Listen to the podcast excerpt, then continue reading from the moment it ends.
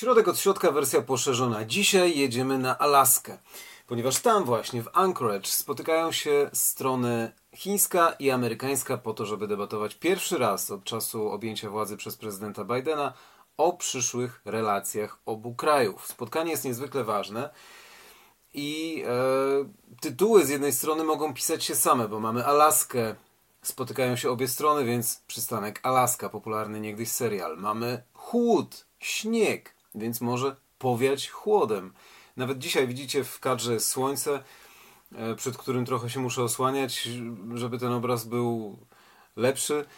E, natomiast e, przy słonecznej pogodzie w środku marca u nas, przy chmurach gdzieś będących wysoko, nie znam się na nich tak dobrze, żeby oszacować wysokość, ale widzę, że są wysoko, pada śnieg. Pruszy sobie, tak jakby chciał symulować, chciała pogoda symulować tutaj u nas to, co dzieje się na Alasce. A to, co się tam dzieje teraz, mieliśmy jeszcze kilka tygodni u siebie, bo mieliśmy ostrą zimę tam, minus 5, minus 7 w ciągu dnia, minus 13, minus 11 w nocy. No a ponieważ nagrywam w piątek rano, mamy chwilę oddechu. Pierwszy dzień negocjacji z dwiema rundami się skończył. Zaczęli o 13 w czwartek e, lokalnego czasu. 9 godzin różnicy na minusie tam jest wcześniej wobec Polski, więc kiedy oni zaczynali o 13, my mieliśmy godzinę 22 i kładliśmy się spać. A kiedy oni zaczęli późnym popołudniem, my dalej spaliśmy. Nasz poranek piątkowy to z kolei 9 rano w piątek, to z kolei wreszcie północ z nocy z czwartku na piątek na Alasce i tam mogą mieć chwilę oddechu dyplomaci i znowu wrócić do ostatniej rundy rozmów w piątek, żeby następnie rozjechać się do domów. Dlaczego jeszcze e, to jeden powód, żeby nagłówki pisały się, żeby tytuły pisały się same?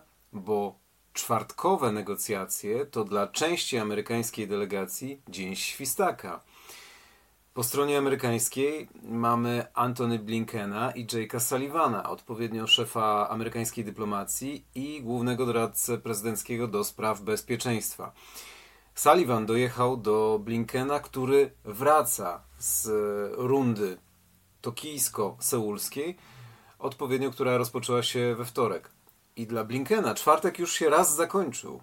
Czwartek już raz w Korei, wczoraj, obfitował w wiele wydarzeń. W czwartek razem z Lloydem Austinem, czyli amerykańskim sekretarzem do spraw obrony, Blinken zdążył spotkać się w formacie 2 plus 2, czyli ze swoimi południowo-koreańskimi odpowiednikami. Złożyli także Blinken z Austinem wizytę prezydentowi w Korei. Wizyta była krótka i to też jest e, do odpowiedniego zrozumienia. Zatem Dzień Świstaka, czwartek ponownie. No i tak tytułami można by operować, ale żaden z nich nie oddaje tego, co dzieje się w środku, na miejscu. Możemy oglądać jedynie to, co pokażą nam korespondenci będący tam w hotelu e, kapitana Cooka, co również jest ważne, bo taki szczegół może ulecieć uwadze. Captain Cook Hotel e, teraz mieści w sobie centralę, to, to sedno rozmów, miejsce, w którym obie delegacje spotykają się.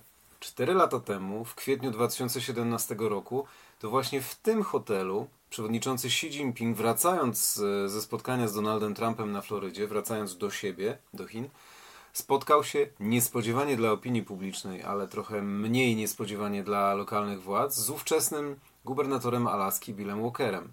Rozmawiał o tym, żeby Alaska i Chiny, geograficznie bliższe niż cała reszta Stanów Zjednoczonych, połączyły siły i prowadziły pracę nad e, gazociągiem i rurociągiem.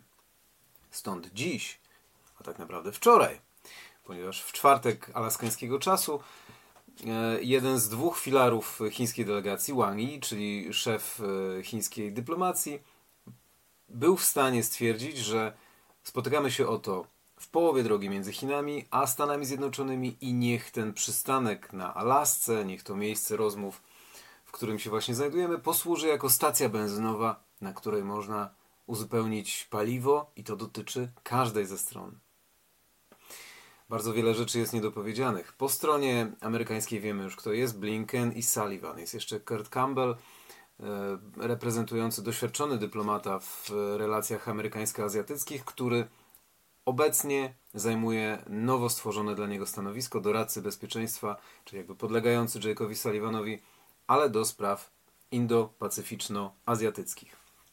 E, wynotowałem sobie czasy otwarcia rozmów podczas pierwszej rundy. Po stronie amerykańskiej rozpoczął Blinken, gospodarz, głównodowodzący spotkania, mówił 2 minuty 27 sekund. Po nim Sullivan 2 minuty 17 sekund. No i teraz strona chińska.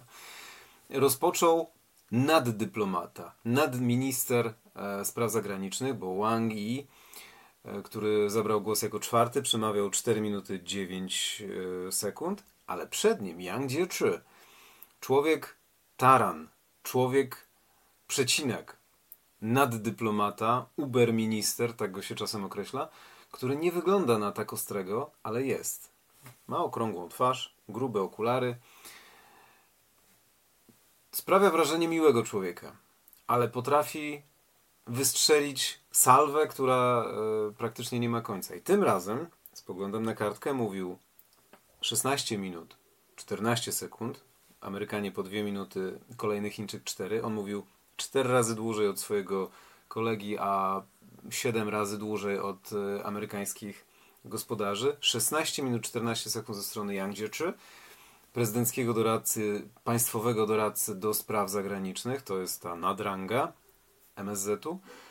A następnie jeszcze po jego stronie trwała taka mini runda 3 minuty 26 sekund, kiedy słowo po słowie, nie fragment po fragmencie, jak to jest w zwyczaju, znaczy słowo po słowie, zdanie po zdaniu, po e, komunikacie Younga następowało tłumaczenie na angielski i znowu jedno zdanie Younga, tłumaczenie na angielski, 3 minuty 26 sekund, żeby Young, żeby przekaz Younga, przekaz państwa chińskiego nie został zgubiony między słowami. Kolejny tytuł. Dlaczego 16 minut? Proszę się nie denerwować. Tu szczekanie z zewnątrz, psy zawsze są dookoła. E, dlaczego zdanie po zdaniu trzeba to było tłumaczyć? Ponieważ Yang wypalił z siebie najpierw tę 16-minutową tyradę i znowu kolejne e, notatki.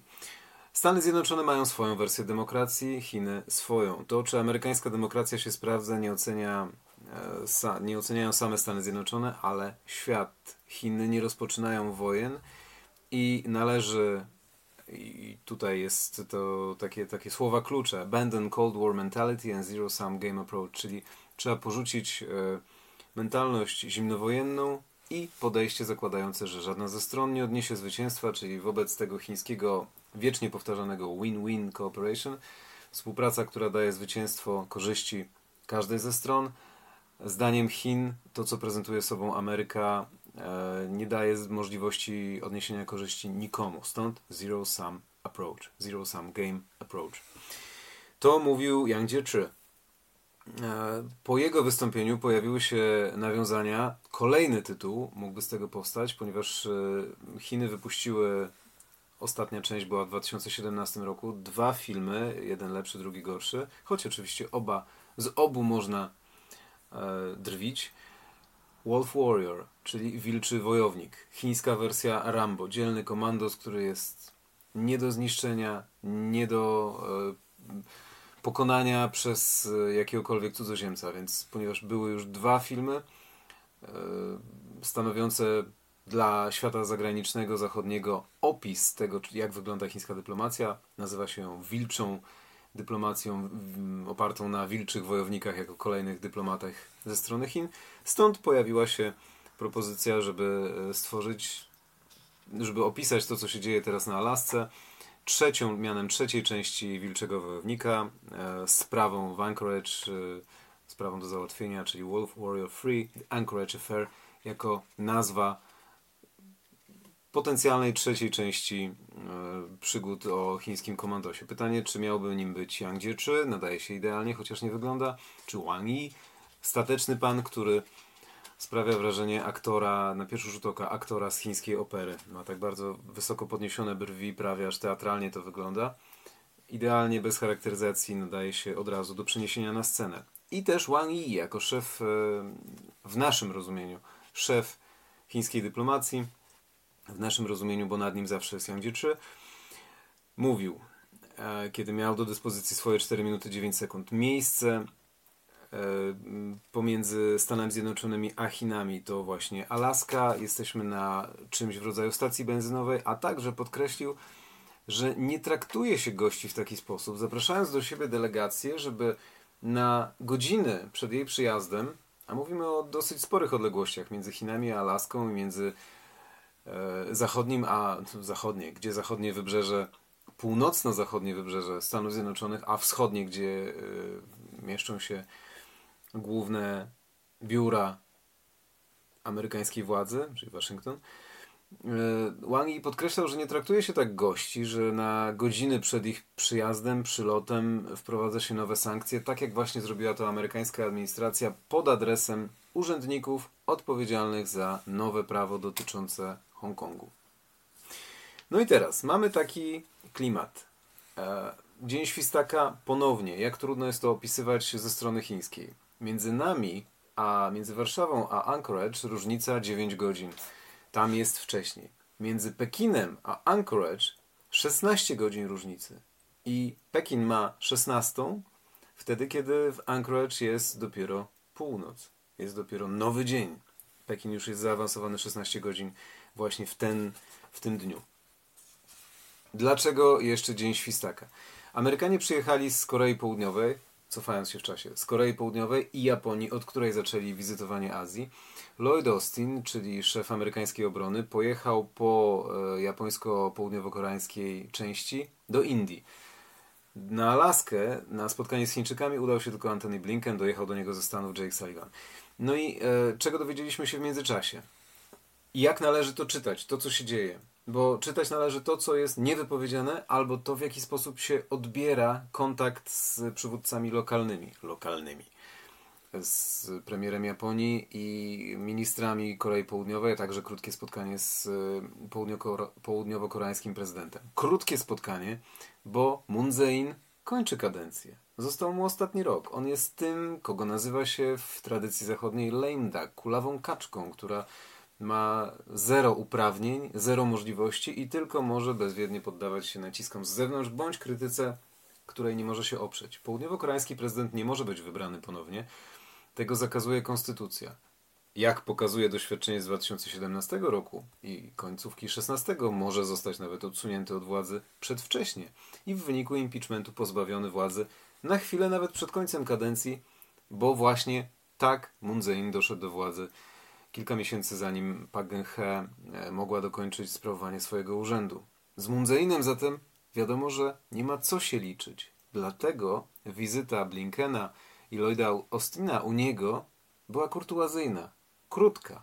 On coś powiedział, nie przywiązywano do tego specjalnej wagi. Niestety, bądź stety. Niestety, dlatego, że od razu ze strony północno-koreańskiego MSZ-u, co również jest ważne, poszedł komunikat. Pani Cheson Hee, czyli pierwsza wiceminister e, północno-koreańskiego MSZ-u, stwierdziła, że tak nie zaczyna się rozmów z kimkolwiek. Że to, do czego dąży strona amerykańska, to jest mylenie pojęć. Wcześniej sypały się oskarżenia, że Amerykanie nie znają geografii, ponieważ jeżeli chcą denuklearyzacji tylko Korei Północnej, teoretycznie mówiąc o Półwyspie Koreańskim, to trochę im się to myli. Północ chciałaby denuklearyzacji całości. Teoretycznie obie strony mówią o tym samym, ale północ chce, żeby atom został usunięty z całego półwyspu. Na południu go nie ma. Już, bo kiedyś był. Ale jest iluzorycznie. Jest jako parasol ochronny ze strony Stanów Zjednoczonych. Zawsze może przyjść na Półwysep Koreański ze strony amerykańskiej od południa na północ. Północ sobie tego nie życzy i dlatego ze strony Pjongjangu denuklearyzacja dotyczy i północy, i południa. Amerykanie chcą być dalej na południu, ale jednocześnie pozbawić północ atomu. Stąd ta równowaga, te dwie strony szalek nijak się nie mogą połączyć w rozumieniu północy. E, warto czytać też to, kto mówi i jak mówi do Amerykanów. Jeżeli, Ameryk jeżeli północno-koreański MSZ przejmuje inicjatywę, jeżeli nie wypowiada się sam Kim Jong-un albo jego siostra, która ostatnio jest aktywna, to znaczy, że MSZ jest w stanie kontrolować e, jakiekolwiek negocjacje z Amerykanami.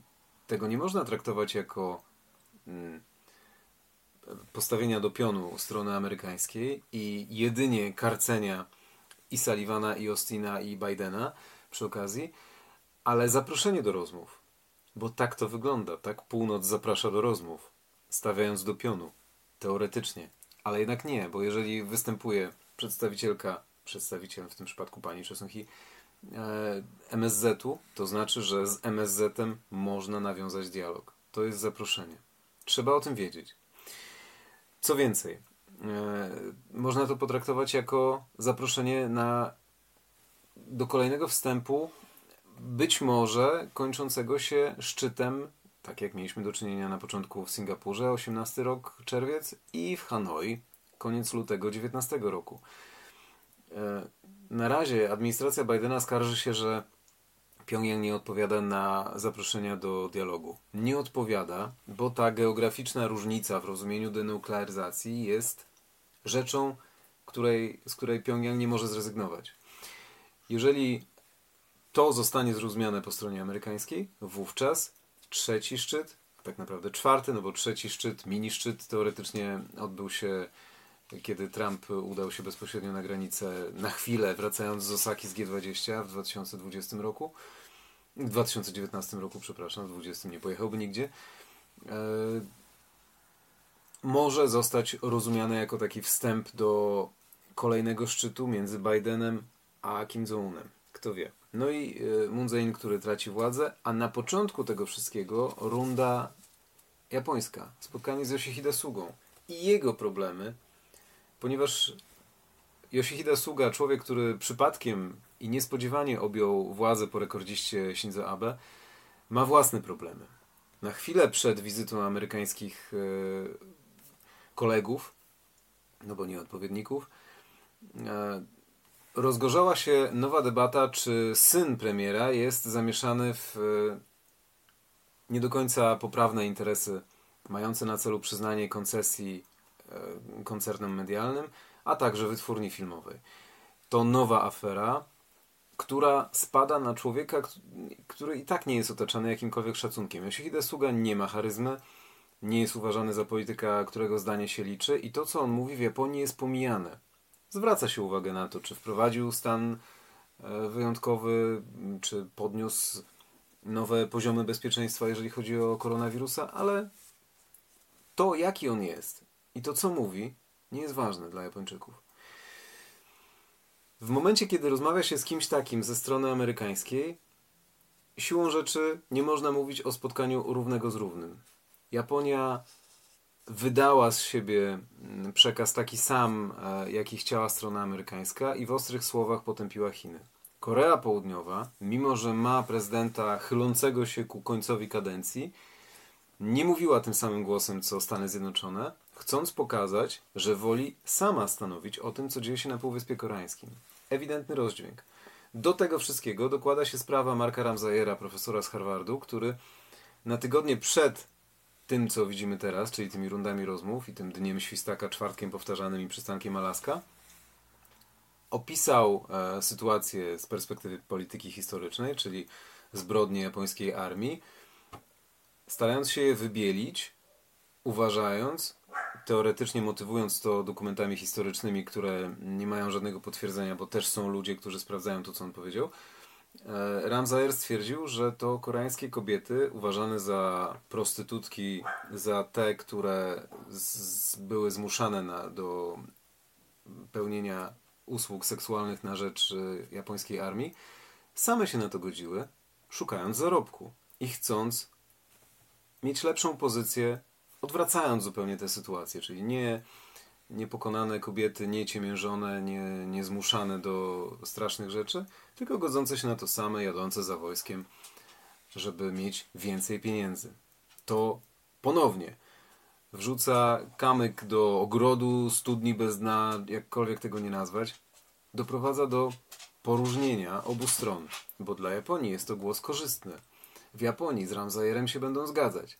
W Stanach Zjednoczonych i w Korei Południowej już mówią, że to jest bez jakiegokolwiek pokrycia taka teoria. Że to jest człowiek oderwany od rzeczywistości i kto mu daje pieniądze, żeby w ten sposób działał. jakkolwiek bardziej będą skłócone obie strony, japońska i południowo-koreańska, które mają być dla Stanów Zjednoczonych gwarantem stabilności w rejonie, tym bardziej korzystają Chiny. Chiny po Japonii i Korei spotykają się z przedstawicielami Stanów Zjednoczonych. Stąd rozmowy na Alasce są ewidentnym przykładem tego, jak można namieszać wcześniej, wprowadzić chaos między teoretycznymi partnerami i potem pojechać do Stanów Zjednoczonych, żeby wyłożyć gospodarzowi kawę na ławę. No i do tego mamy jeszcze Anchorage, Alaskę i hotel kapitana Cooka. James Cook, brytyjski odkrywca, w 1778 roku wylądował niedaleko. Teraz to się nazywa Fire Island, e, ale bardzo blisko miejsca, w którym znajduje się hotel, w którym spotykają się obie delegacje. Przed hotelem stoi pomnik Jamesa Cooka. Jeszcze rok temu, wtedy kiedy był ruch e, antyrasistowski i pod ogólnym hasłem Black Lives Matter, chciano ten pomnik usunąć. James Cook był odkrywcą, ale także pod koniec XVIII wieku symbolem handlu niewolnikami ze strony brytyjskiej. Brytyjczycy niedługo później się z tego wycofali po wojnach napoleońskich, ale jeszcze rok temu chciano Cooka z, pomniku, z pomnika usunąć. Ile z tego pozostało do dziś? Widzimy. Jak wiele z e, poprawności politycznej i z polityki historycznej zostanie do kolejnej rundy rozmów chińsko-amerykańskich? To już pokaże czas. Polityka historyczna jest narzędziem.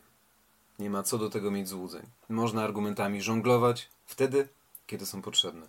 Siać ferment wtedy, kiedy wymaga tego sytuacja, bo zawsze, gdzie dwóch się kłóci, tam trzeci skorzysta. Obojętnie, czy to dotyczy Azji Wschodniej, Południowo-Wschodniej, czy styku Ameryki z Chinami. Nawet na Alasce. W tak trudno dostępnym miejscu jak Anchorage. Żałując, że nie mogę być tam na miejscu i łączyć się z Wami zdalnie, mogę zrobić to samo z własnego pokoju, patrząc, jak śnieżek sobie pruszy, prawie jak na Alasce. Dzięki za uwagę.